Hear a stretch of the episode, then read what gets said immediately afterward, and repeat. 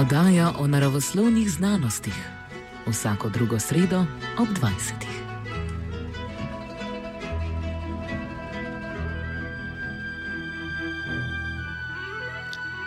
Veliko podatkov je. Pozdravljeni v novi oddaji Frekvenca della Scienza. Tokrat bo govora o velikem podatkovju, angliško Big Data, vendar na čisto svojski način. Podatkov in vsega, kar spada zraven, se bomo lotili sociološko.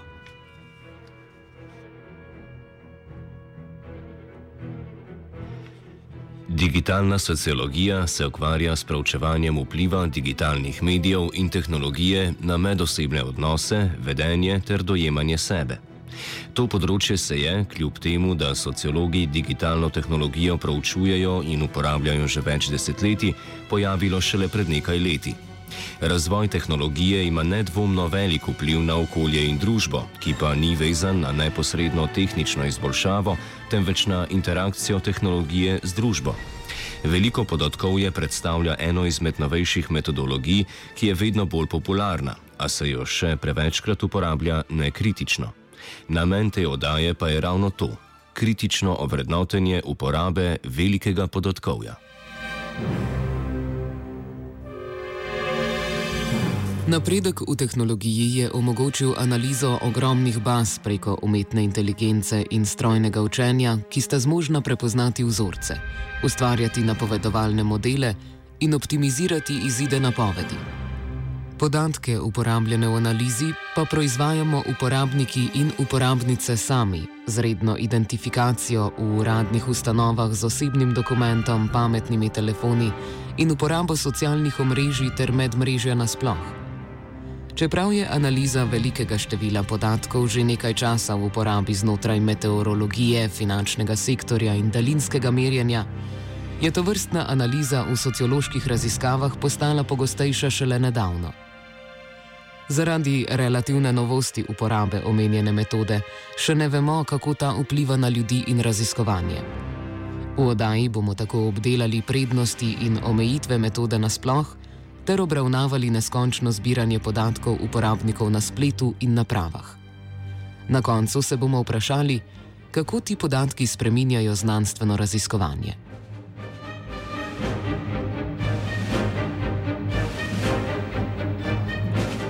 Matematičarka Teja Brasanac je na kratko predstavila definicijo velikega podatkovja. Ja, big data oziroma veliko podatkov je po slovensko, je v zadnjem času vse pogosteje uporabljen izraz, ki pa je veliko krat narobe razumljen. Big data namreč ne označuje nikakršnih procesov, analiz ali pa celo napovedi prihodnosti, ampak kot že sami izraz pove, čisto banalno povedano, označuje zgolj veliko količino podatkov. Malo bolj specifično povedano, ima big data naslednje lastnosti: volume, velocity, pa variety, kar bi v slovenščini rekli količina, hitrost in pa raznolikost. Težko bi si rekel, koliko milijonov vrstic mora določen nabor podatkov vsebovati, da ga označimo s tem uh, pompoznim izrazom ker lahko imamo naprimer izredno veliko količino podatkov, ki pa niso big data, ker se od slednjih razlikujejo v samem načinu uporabe. In to mislim sicer na tak način, da se pri big data problem pojavi že v, v prvi fazi, ki je sicer uh, faza zajemanja, shranjevanja in pa procesiranja podatkov. Veliko podatkov je predstavlja namreč toliko veliko količino podatkov, da jih v navaden, naprimer 16 gigaramski računalnik, niti ne bi mogli shraniti, kaj šele, da jih bi analizirali. Če naprimer uh, hočem pokazati nek primer big data podatkov, ko za tega vzel uh, zajemanje lokacijskih podatkov od 50 milijonov uporabnikov pametnih telefonov. Te podatki se, naprimer, uh, kot vemo, neprestano spreminjajo in se na novo generirajo zato jih je potrebno zajemati neprestano, torej v realnem času. Poleg tega gre pri teh podatkih za izredno velik in raznolik nabor informacij in so torej potem te karakteristike o hitrosti generiranja, količini samih podatkov in pa kompleksnosti izpolnjene. Veliko podatkov je, je zbirka podatkov, ki obsega več terabajtov ali celo petabajtov informacij. Ustvarjeno je z veliko hitrostjo in nastaja v resničnem času, torej že med tem, ko merjen proces poteka. Vsebuje raznolik nabor strukturiranih in nestrukturiranih podatkov, ki vključujejo skoraj celotno populacijo ali sistem. Baze podatkov omogočajo združevanje in primerjanje informacij iz več baz skupaj, kar jim omogoča razširjanje na druga polja in hitro večanje baze.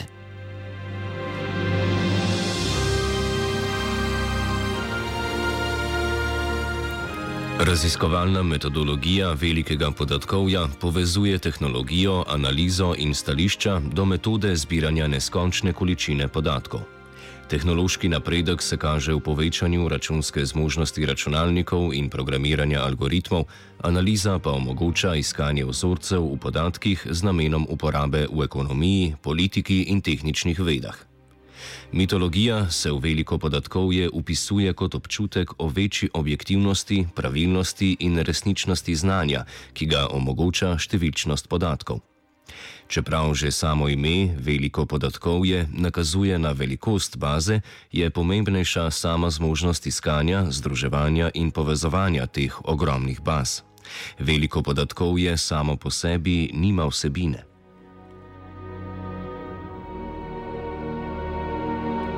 Za razumevanje ogromnih baz potrebujemo tehnologijo, ki te podatke uredi in iz njih naredi napovedovalne modele. To je postalo možno šele z napredkom v strojnem učenju in večjo zmogljivostjo računalnikov.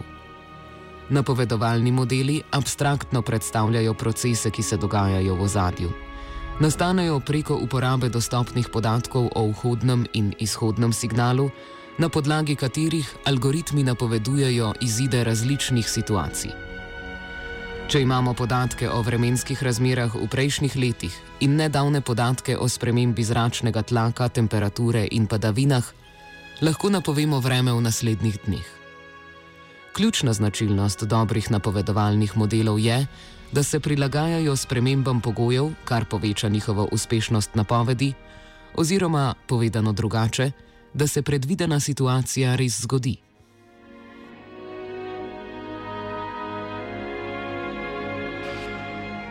Pomembnost za raziskovanje se kaže v radikalni spremembi, ki jo veliko podatkov je upeljuje na epistemološki in etični ravni, k čemu se bomo vrnili proti koncu oddaje. Spreminja načine konstitucije znanja, kjer odkriva nove objekte in metode vedenja. Proces raziskovanja, načine, kako obravnavamo informacije, naravo in kategorizacijo realnosti, oziroma redefinira družbeno življenje. Prav tako se analiza velikega podatkovja sooča s problemi preobilnosti, izčrpnosti, raznolikosti, dinamičnosti in negotovosti podatkov. Zraven tega za zbranimi podatki ni raziskovalnega vprašanja, temveč so zgolj stranski produkt bolj ali manj slučajno merjenih aktivnosti.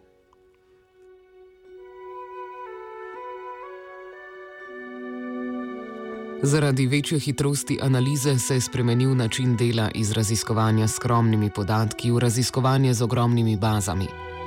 Iz statističnih posnetkov v dinamične procese, iz grobih poenostavitev v natančne razdelave in iz preprostih napovednih modelov v sofisticirane simulacije.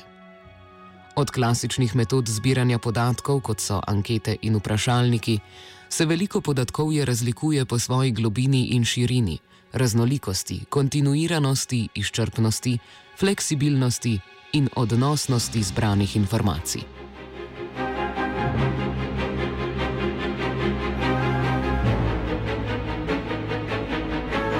Podatki se zbirajo preko klikov na internetu, merjenja senzorjev, skeniranja predmetov, naprimer kod in osebnih dokumentov, ter objav uporabnikov. Podatkovne analize so pred velikim podatkovjem črpale iz redkih, statičnih, znanstveno vzorčenih baz, ki so imele nizko ekološko vrednost oziroma niso bile prenosljive v vsakdanje življenje. Podrejale so se strogim predpostavkam o neodvisnosti, normalnosti in stabilnosti spremenljivk. Nov epistemološki pristop ogromnih baz pa omogoča poglede, ki izhajajo iz samih podatkov, ne pa testiranja hipoteze, na podlagi katere so šele zbrani podatki.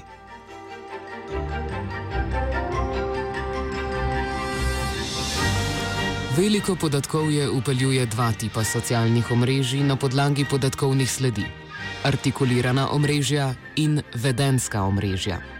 Artikulirana omrežja nastanejo preko tehničnih mehanizmov zbiranja podatkov, kot je število prijateljev, stikov ali sledilcev.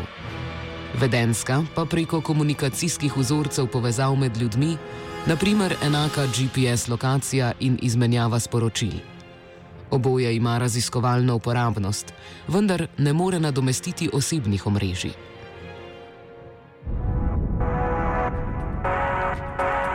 So. What are we really made of? Dig deep inside the atom when you'll find tiny particles held together by invisible forces. By invisible forces. Everything is made up of tiny packets of energy born in cosmic furnaces. The atoms that we're made of have negatively charged electrons whirling around a big bulky nucleus. The quantum theory offers a very different explanation of our world. The universe is made of 12 particles of matter, four forces of nature.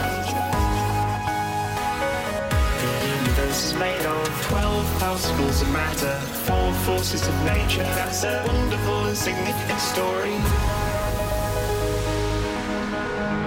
Suppose that little things behaved very differently than anything big.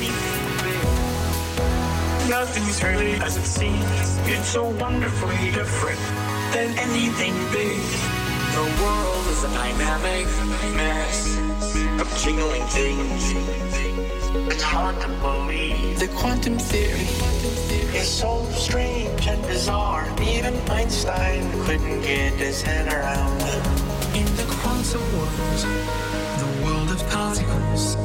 Nothing is certain. It's a world of probability. The quantum theory offers a very different explanation of our world. The universe is made of 12 particles of matter, four forces of nature. The universe is made of 12 particles of matter, four forces of nature. That's a wonderful and significant story.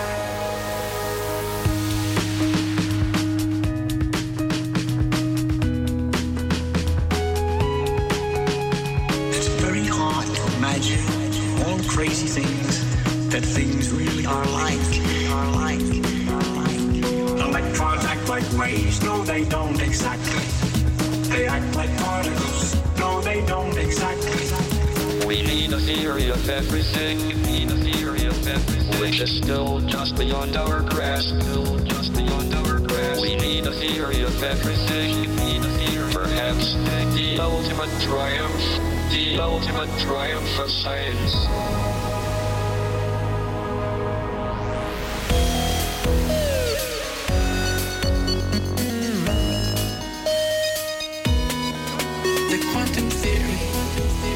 Offers a very different explanation of our world. The universe is made of 12 particles of matter, four forces of nature. The universe is made of 12 particles of matter, four forces of nature. That's a wonderful and significant story. Wonderful and significant story. I gotta stop somewhere. I'll leave you something to imagine.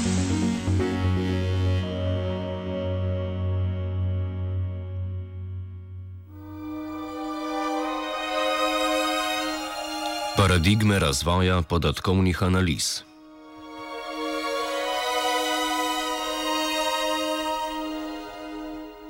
Thomas Kuhn je v filozofiji znanosti postavil teorijo o razvoju znanosti s konceptom paradigme. Znanost je najprej v predparadigmatskem stanju, ko šele vzpostavlja svoje področje in načine raziskovanja. V paradigmatskem stanju ima znanstveno področje določen nabor problemov in metod njihove obravnave. Z vstopom novih teorij in metod pride do znanstvene revolucije, ki pretrese uveljavljene temelje in spet vzpostavlja trdno paradigmo.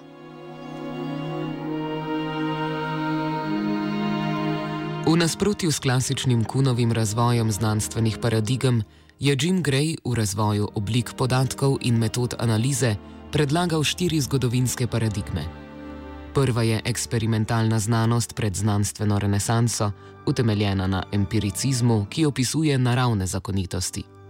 Druga je teoretična znanost pred izumom računalnikov, ki modelira in generalizira ugotovitve v obliki formul in enačb. Tretja je računalniška, komputacijska znanost pred vstopom velikega podatkovja, ki simulira kompleksne fenomene. Zadnja, četrta, je eksploratorna znanost v dobi velikega podatkovja, za katero so značilne ogromne baze podatkov, rudarjenje podatkov in eksploracija. In v tej četrti se nahajamo danes, ko pri raziskovanju ne rabimo postavljati hipotez na podlagi teorije, temveč pogledamo v podatke, in iz povezav šele ustvarimo hipotezo.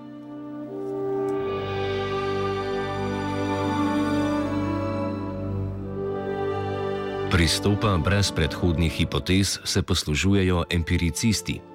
V raziskovanju velikega podatkovja zahtevajo empirične dokaze, najpogosteje preko eksperimentalnega pristopa. Pogled empirikov vidi v novi metodologiji tudi novo dobo empiricizma, kjer obilnost podatkov in nove tehnike njihove obdelave omogočajo zaključke brez upeljave teorije.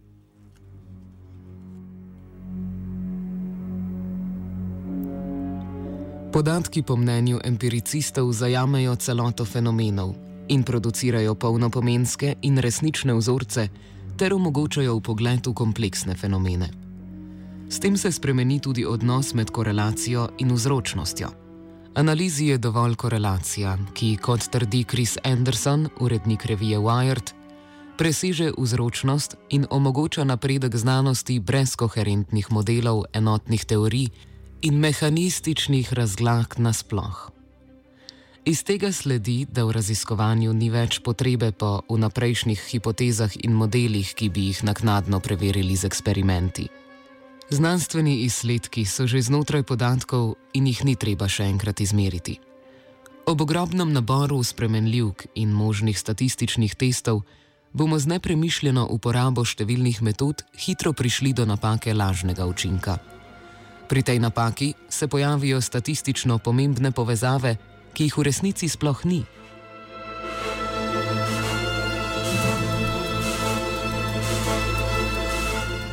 Prednost raziskovanja brez teorij je odkrivanje neopaženih, nepredvidenih povezav v bazi podatkov. Večja pomembnost korelacije pa se veže tudi na prednost napovedne vrednosti pred razlago. Ni več treba razumeti sveta in tega, kako deluje. Dovolj je, če znamo napovedati fenomene v njem. Povedano drugače, ni treba vedeti toliko o vremenu, važno je, da postavimo dobro vremensko napoved kontekst postane nepotreben, s čimer se izniči potreba po strokovnjakih za posamezne fenomene, ki so zdaj pomensko jasni vsakemu, ki zna razbrati statistično mero ali vizualizacijo. Z razvojem boljših programov za napovedovanje vremena, tako vsaj po empiricističnem prepričanju, ni več potrebe po meteorologih, ki razumejo delovanje vremena.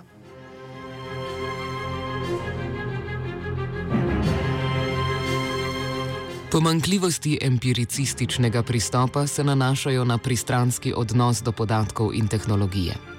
Prav tako pomankljivosti zadevajo specifično ontologijo in epistemologijo analize. Empiriki odgovarjajo na vprašanje, kaj so podatki, medtem ko ekspertne raziskovalce in raziskovalke zanima tudi, zakaj so podatki takšni, kot so. Vsi podatki, tudi znotraj velikega podatkovja, so ustvarjeni preko človeško narejenih mehanizmov, programov in algoritmov. Ti so bili bolj ali manj rigorozno znanstveno vzpostavljeni in preverjeni. Temelijo na prejšnjih spoznanjih, teorijah, treningu, ki so sami odvisni od izkušenj in znanja strokovnjakov in strokovnjakin.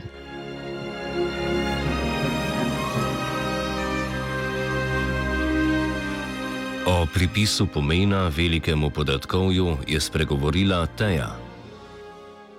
Pomeni ne pripisam potem šele uporabi algoritmov, ki tem podatkom pripišejo nek pomen oziroma vrednost. Uh, algoritmi so sicer v matematiki um, kot neka navodila za reševanje problemov. Z njihovo uporabo potem, bi, potem rešimo nek problem ali pa v primeru big data razvrstimo podatke v nek smislen red. Ne. Z razmahom interneta, smartfonov, socialnih omrežij pa so tudi podatki o nas, ljudeh, postali big data.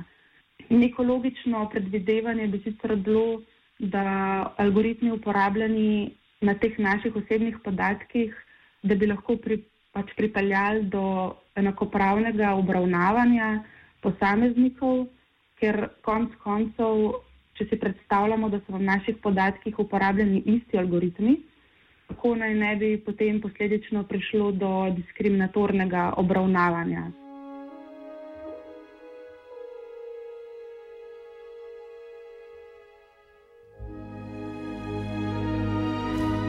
Človeško ustvarjeni algoritmi so prepredeni s kontekstom znanstvenega pristopa in vrednot programerjev in programerk. Vpliv raziskovalcev na podatkovne baze se na vse zadnje kaže tudi preko interpretacije, na katero vplivata razumevanje in pristranskost analitika. Problem nastane, ko baze podatkov kažejo korelacije med nepovezanimi pojavi, kar nastane kot artefakt statističnega postopka. To vrstne korelacije nimajo ekološke veljavnosti, saj so brez povezave z družbeno resničnostjo. Vse pomankljivosti empiricističnega razumevanja velikega podatkovja kažejo na poenostavljanje sicer kompleksnih problemov.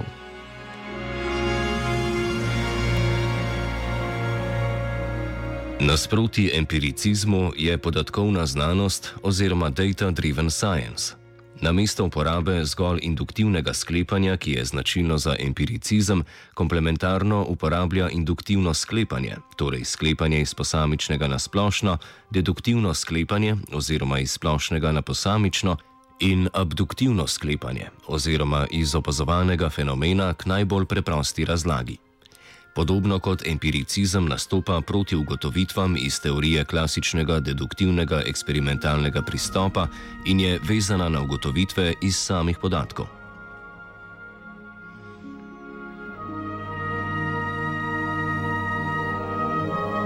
Za razliko od empiricizma, pa za podatkovno znanost dobra napoved ni dovolj, temveč so rezultati umeščeni v razvito teoretsko perspektivo procesiranje, obdelava in analiza podatkov so podprti s teoretično podkrepljenimi predpostavkami, ki narekujejo tudi primerne tehnike in metode. Namesto da bi podatki bili podvrženi vsem možnim modelom in analizam, se uporabijo teoretično smiselne odločitve o postopkih, ki na to proizvedajo najboljše rezultate.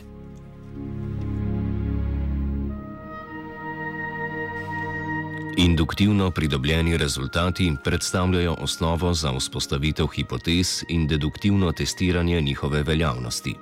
Razlika s klasičnim eksperimentalnim pristopom je tako v načinu vzpostavljanja teorij. Podatkovni znanstveniki v svojem pristopu vidijo možnost celostnih in izčrpnih modelov ter teorij kompleksnih sistemov z možnostjo interdisciplinarnosti. Iz tega sledi boljše razumevanje raznolikih medsebojno povezanih procesov, ki služijo kot osnova modelom za napovedovanje dolgoročnih trendov in adaptacij.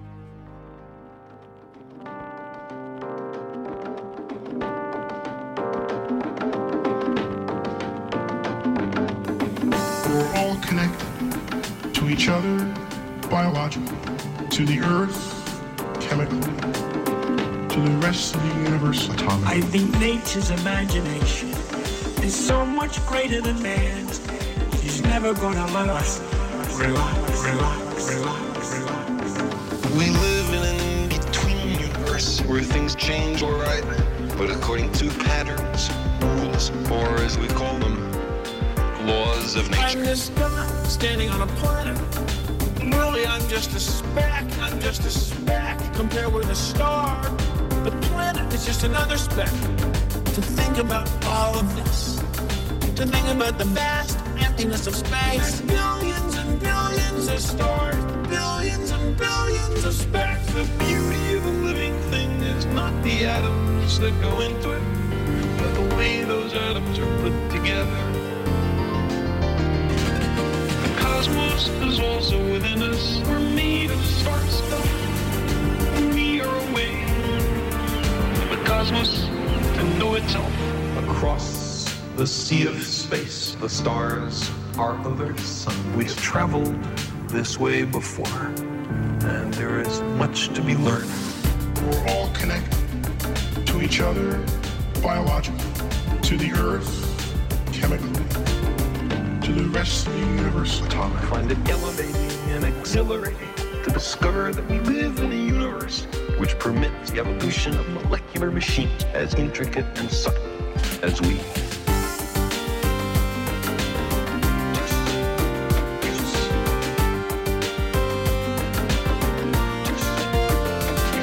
I know that the molecules in my body are traceable to phenomena in the cosmos. That makes me want to grab people in the street and say, Have you heard this? The not the atoms that go into it, but the way those atoms are put together.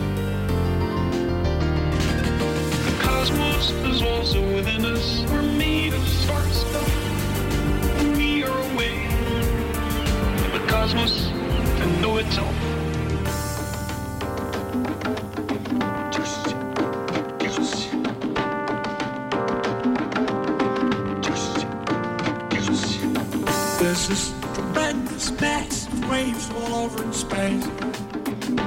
light bouncing around the room, going from one thing to the other. And it's all really there, really, really there. But you gotta stop and think about it, about the complexity to really get the pleasure. It's all really there, really, really there.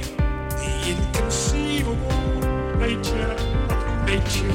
To think about all of this, to think about the vast emptiness of space, There's billions and billions of stars, billions and billions of specks. The beauty of a living thing is not the atoms that go into it, but the way those atoms are put together. The cosmos is also within us. We're made of star stuff. We are a way the cosmos to know itself. Across the sea of space, the stars are other sun. We've traveled this way before, and there is much to be learned.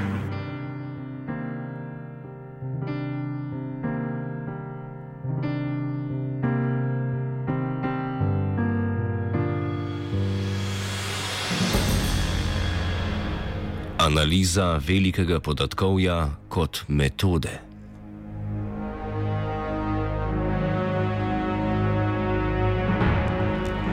Vzorčeni podatki so pogosto nezanesljivi.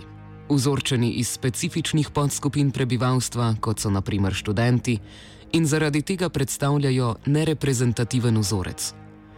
Uporaba velikega podatkovja za analizo teh podatkov privede do odkrivanja vzorcev in povezav, kjer teh sploh ni.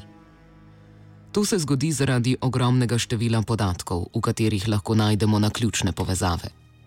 Ogromna količina podatkov, ki imajo omejeno informativnost, tako ni nujno najboljša pot. Manj informacij v podatkih omeji tudi možna vprašanja in analize, na podlagi katerih lahko pridemo le do vsebinsko in kontekstualno omejenih zaključkov.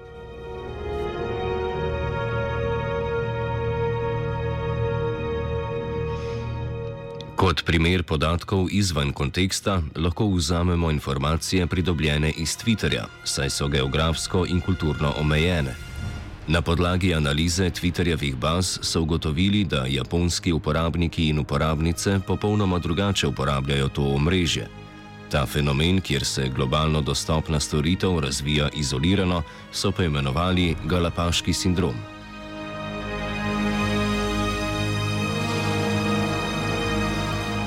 Poleg problema nereprezentativnosti se pojavlja tudi problem enačanja spletnega računa uporabnika in uporabnika samega. Uporabniki v socialnih omrežjih posredujejo želeno sliko sebe. Uporabniške račune lahko uporablja več ljudi ali pa ima en posameznik več uporabniških računov. Podatki pridobljeni z združevanjem baz podatkov izgubijo pomen in vrednost, ko jih vzamemo izven konteksta.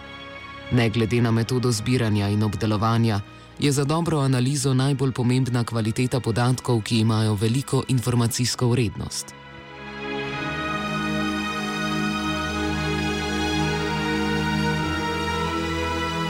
Za vzpostavitev modelov se morajo raziskovalci odločiti, katere informacije bodo vključili in kako bi poenostavili kompleksnost realnosti na formule, iz katerih lahko program napoveduje zaključke. Modeli imajo ogromne slepe pege, ki odsevajo sodbe in prednostne naloge raziskovalcev, a večino časa sicer ne vplivajo na izide. Očitno je, da modeli odražajo cilje in ideologijo raziskovalcev, saj so sprogramirani tako, da so mnenja ukorporirana v matematično in programsko strukturo. Torej, kateri podatki se upoštevajo in kateri ne. Ravno zato pa analiza Big Data ni tako objektivna, kot se morda zdi na prvi pogled.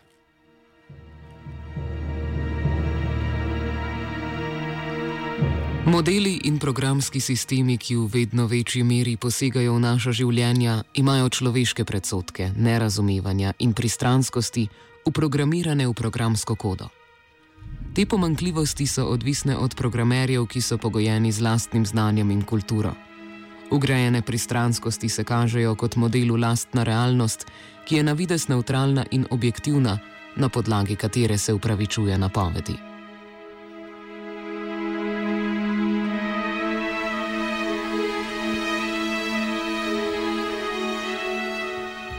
Modelom strojnega učenja zraven pristranskosti veliko krat umankajo podatki o vedenjih, na podlagi katerih napovedujejo rezultate. Nadomestijo jih z nadomestnimi podatki, ki neposredno ne odražajo proučevanega vedenja. To vrstno poenostavljanje pogosto privede do napak. Zaradi zagonetnosti programa, ki privzame absolutno objektivnost, oškodovan posameznik nima moči pokazati na napako. Algoritmi zaradi predpostavljene neutralnosti ne potrebujejo toliko dokazov o pravilnem napovedovanju, kot človeške žrtve programske opreme potrebujejo za napačno napoved programa.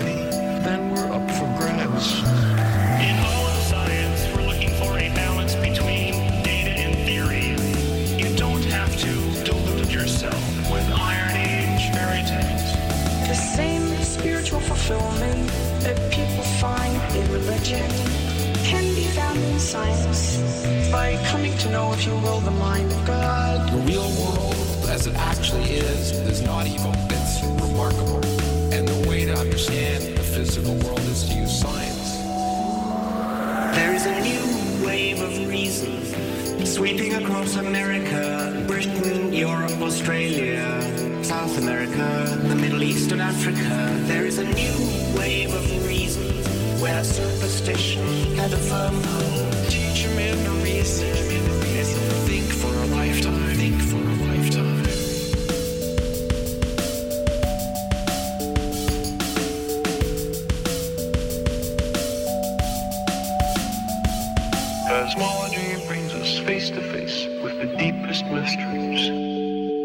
Questions that were once treated only in religion and myth. The desire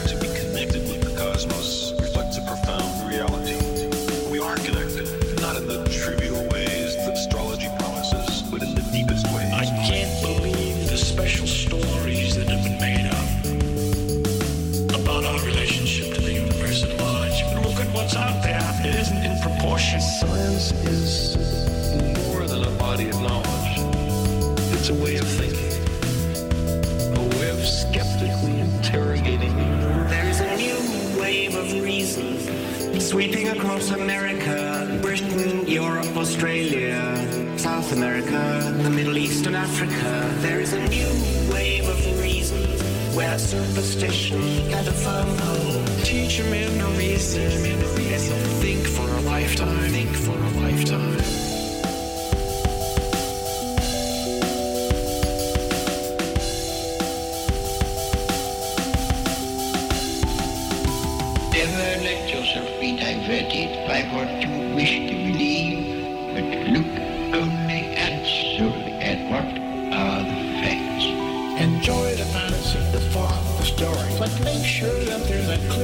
Line drawn on the floor.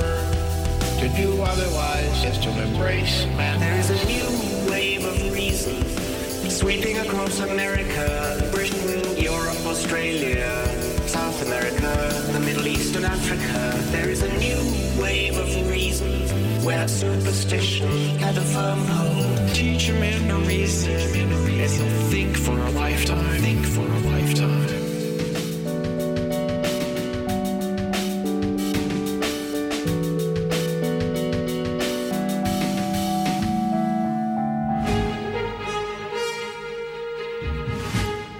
Sociološka analiza velikega podatkovja.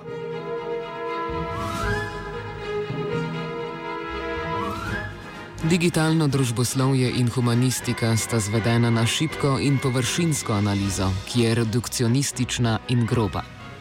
Zaradi tega ostajajo strukturna razmerja znotraj analize velikega podatkovja še vedno zakrita. Analiza žrtvuje svojo kompleksnost, kontekstualnost, specifičnost in globino za možnost lestvičenja na visoki ravni, avtomatičnost in opisne vzorce.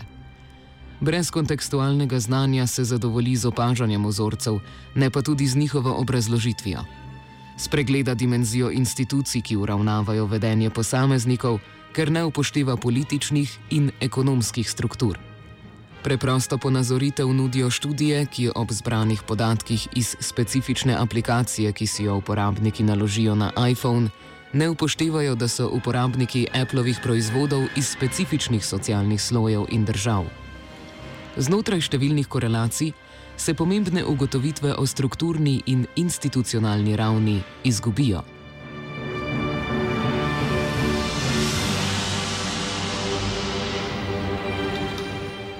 Politika, ekonomija in zakonodaja imajo različne cilje in različen vpliv na produkcijo znanja, ki pa znotraj velikega podatkovja ostaja nepreuprašano.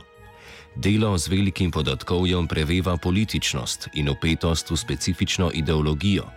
Znanje in pričakovanja raziskovalcev ter umeščenost raziskave v prostor in čas vplivata na rezultate. Kaj in kako se bo raziskovalo, je odvisno tudi od financiranja in razmeri moči med lastniki baz in raziskovalci.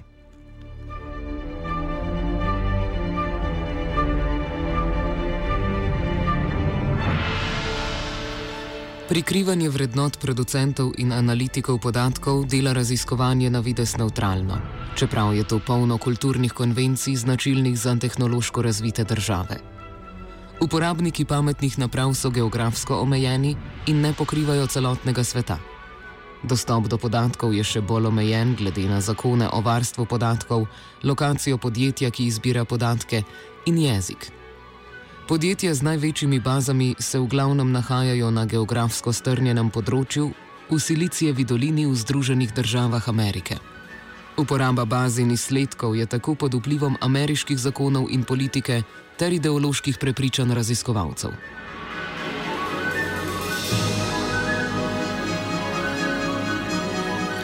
Še najbolje se metodologija izkaže v razumevanju intersubjektivnosti preko preučevanja socialnih omrežij.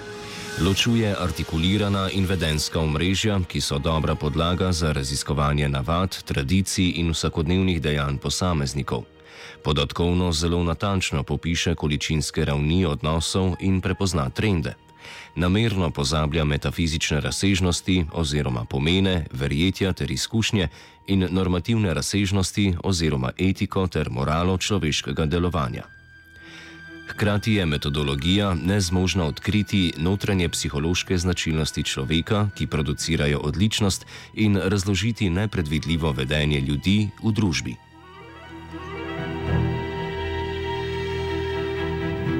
S tem področjem se ukvarja tudi knjiga The Math Destruction avtorice Kathy O'Neill, ki jo je na kratko predstavila Teja. Opozarja na številne pasti, ki jih prinaša napačna uporaba algoritmov izdelanih na teh big data osebnih podatkih.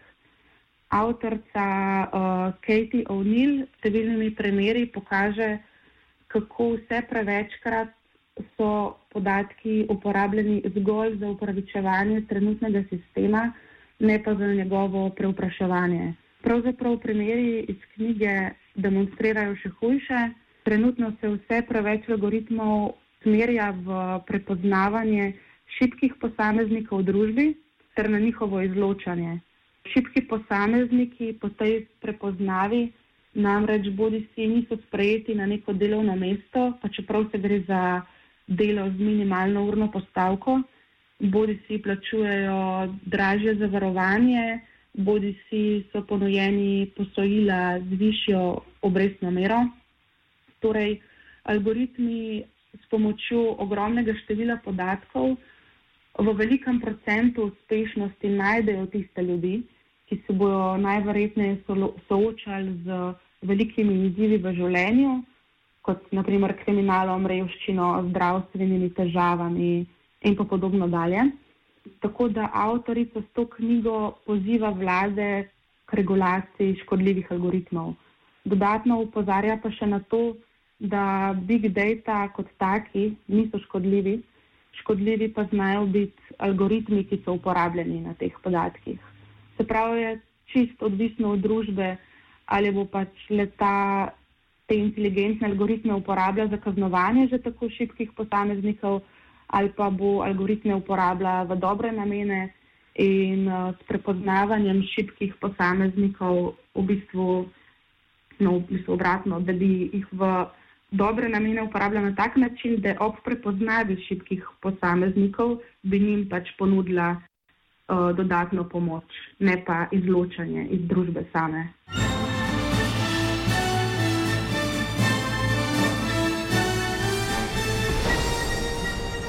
Razvoj interneta, zmogljivih osebnih računalnikov in programske opreme je razširil podatkovno znanost na veliko število ljudi. Veda, ki je bila včasih tuja vsem razen znanstvenikom, je zdaj dostopna tudi ljudem brez prave izobrazbe in treninga. Nekateri sociologi to označujejo kot krizo v empirični sociologiji, kar hkrati kaže na elitizem sociološke vede in resno zaskrbljenost nad razvrednotenjem teoretskega presežka sociologije. Na vides širok dostop je v resnici omejen na velike korporacije in podatkovna podjetja. Inovacije znotraj raziskovalnih metod so prisotne znotraj polja komercialne sociologije, ki ustvarja boljše načine oplajanja kapitala.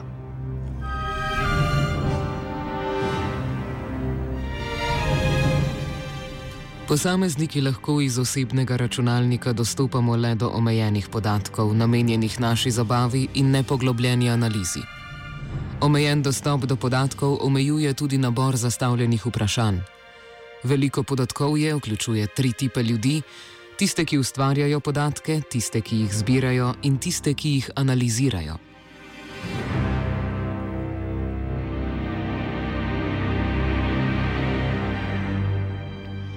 Ustvarjalci podatkov večinoma ne spadajo v skupino ljudi, ki bi do njih imeli dostop. Umestno stopnjo predstavljajo lastniki baz, ki na njih kapitalizirajo svoje premoženje. Od njihove strukturne moči pa so odvisni analitiki, ki so podrejeni omejitvam in ciljem lastnikov.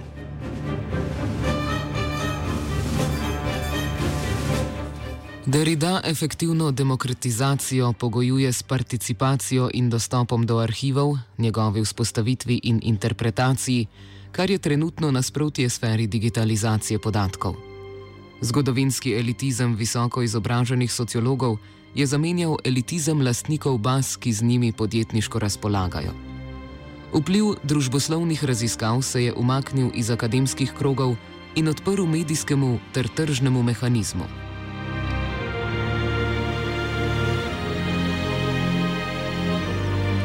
Ob nenehnem zbiranju podatkov uporabnikov in tržnem razpolaganju z bazami se postavlja vprašanje etičnosti. Od razmeri moči med sistemi, ki usmerjajo prakso, in tistimi, ki jo regulirajo, je odvisno tudi razmerje moči med trženjem podatkov in privatnostjo uporabnika. Čeprav so v podatkih zabeleženi uporabniki in ne posamezniki, se lahko z združevanjem baz identificira posameznika in ga izpostavi tržni diskriminaciji.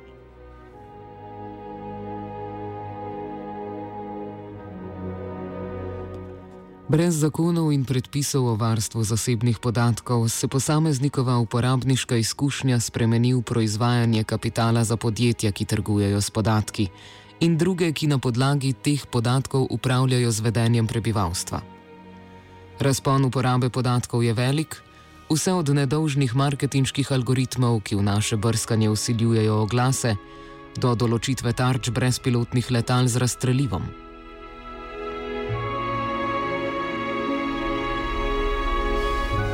Vprašanje privatnosti lahko razširimo v vprašanje širše odgovornosti. To zahteva temeljni premislek o uporabi velikega podatkovja v odnosu do nadrejenih, kolegov, udeležencev in javnosti.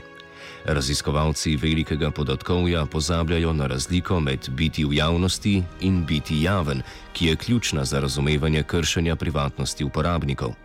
Čeprav so njihovi podatki javni, to še ne pomeni dovoljenja za njihovo uporabo v kakršen koli namen.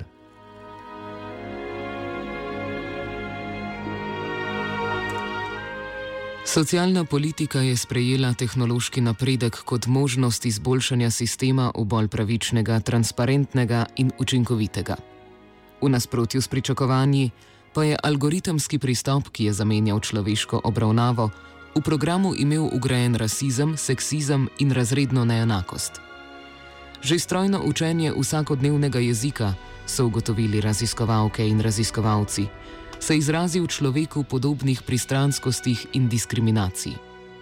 Sprememba sistema socialne politike nakazuje, da se mora program pravilno odločiti med številnimi posamezniki, kjer javno financirane službe nimajo dovolj sredstev, da bi to upravljali svetovalni delavci in delavke.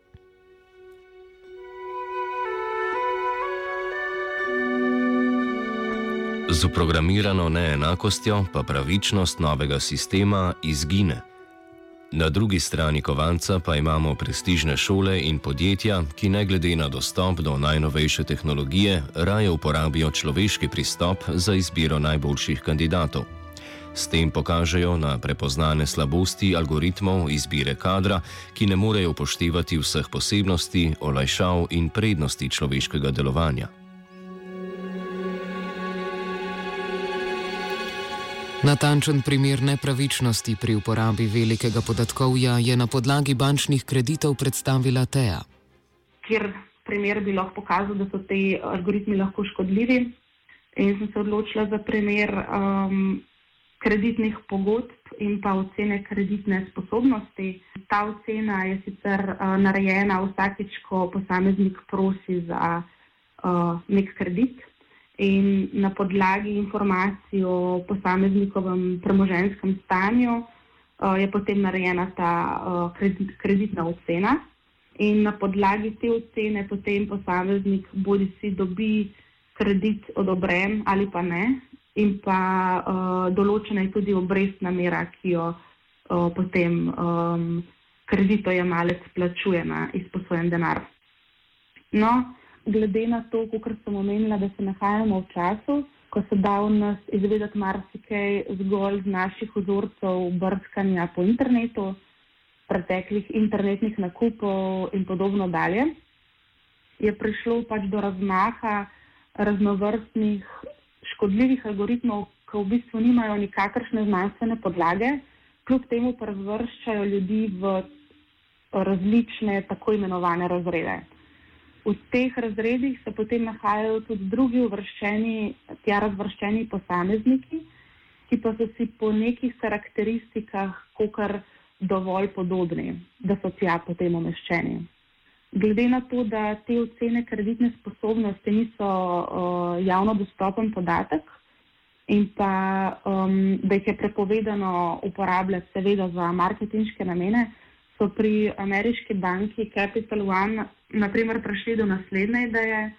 Za vsakega posameznika, ki obišče njihovo spletno stran, izdelajo tako imenovano kreditno oceno, ki je pravzaprav nek kvazi približek kreditne ocene in istočasno izredno slab poizkus te izdelave te ocene. No, potem na podlagi te internetne ocene posamezniku ponudijo pod narekovaji primerno ponudbo kredita in pa, obre, in pa višino obrestne mere. In takoj, ko potem posameznik odpre spletno stran te banke Credit One, postane predmet analize tega algoritma, na podlagi katerega je kar iz podatkov aktivnosti na spletu izdelana ta internetna ocena.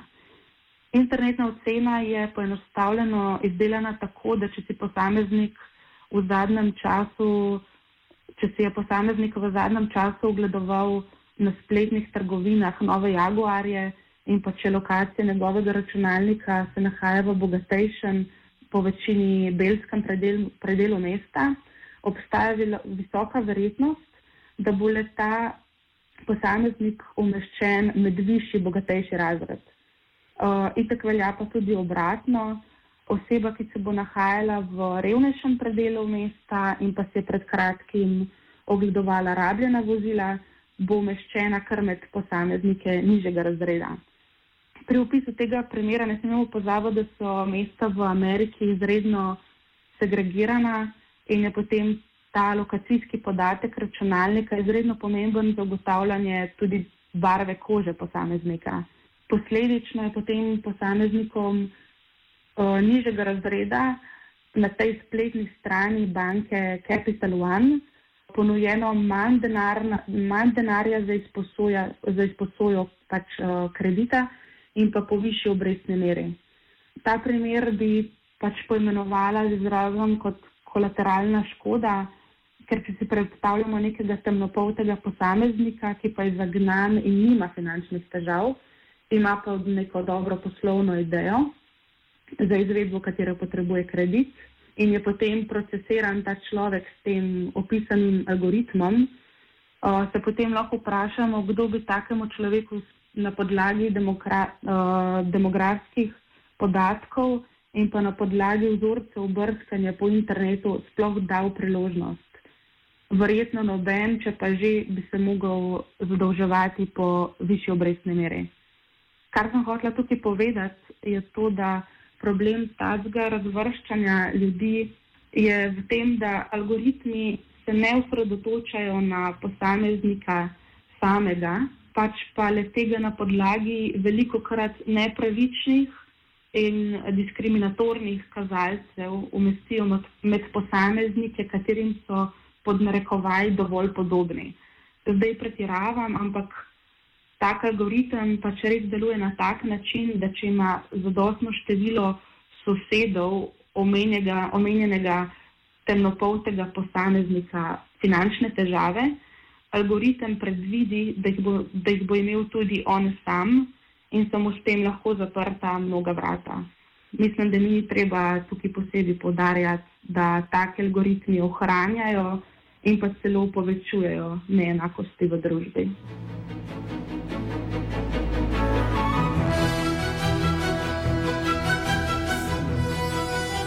Proti programsko ugrajenim sistemskim neenakostim posameznik ali posameznica težko zmaga.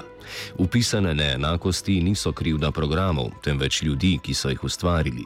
Pri jezikovno zahtevnih programih, kjer so uporabljene velike baze besed, se je program naučil povezovati ženske z domom in moške z inženirstvom, ameriške belce s prijetnimi besedami in afroameričane z negativnimi besedami.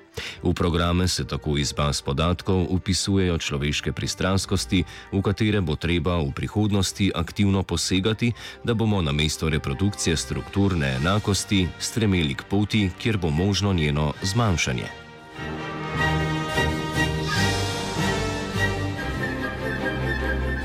Veliko podatkov je in na njem temelječi modeli se izkažejo za nezadostne, saj človeška družba ne deluje tako pravilno, mehansko in racionalno, kot pričakujejo programi.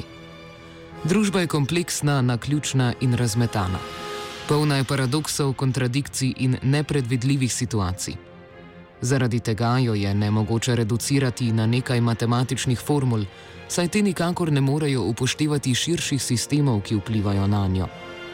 Ali kot pravi kritik velikega podatkovja Kičin. Redukcija kompleksnosti na abstrakcijo subjektov, ki zapolnjujejo univerzalne modele, izvaja simbolno nasilje nad načinom produkcije znanja.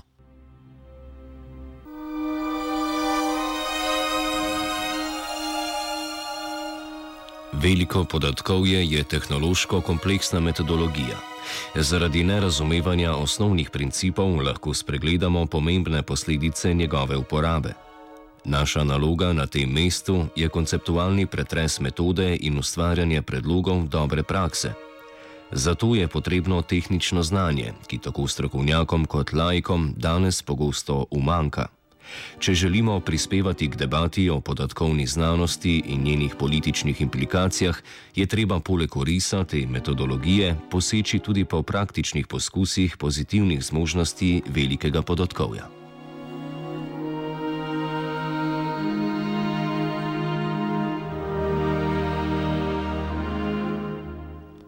Sociologijo in veliko podatkovje je povezala Ana. Urednikovala sta Zarja in Arne, brala sva Biga in Pija, tehniciral je Linč.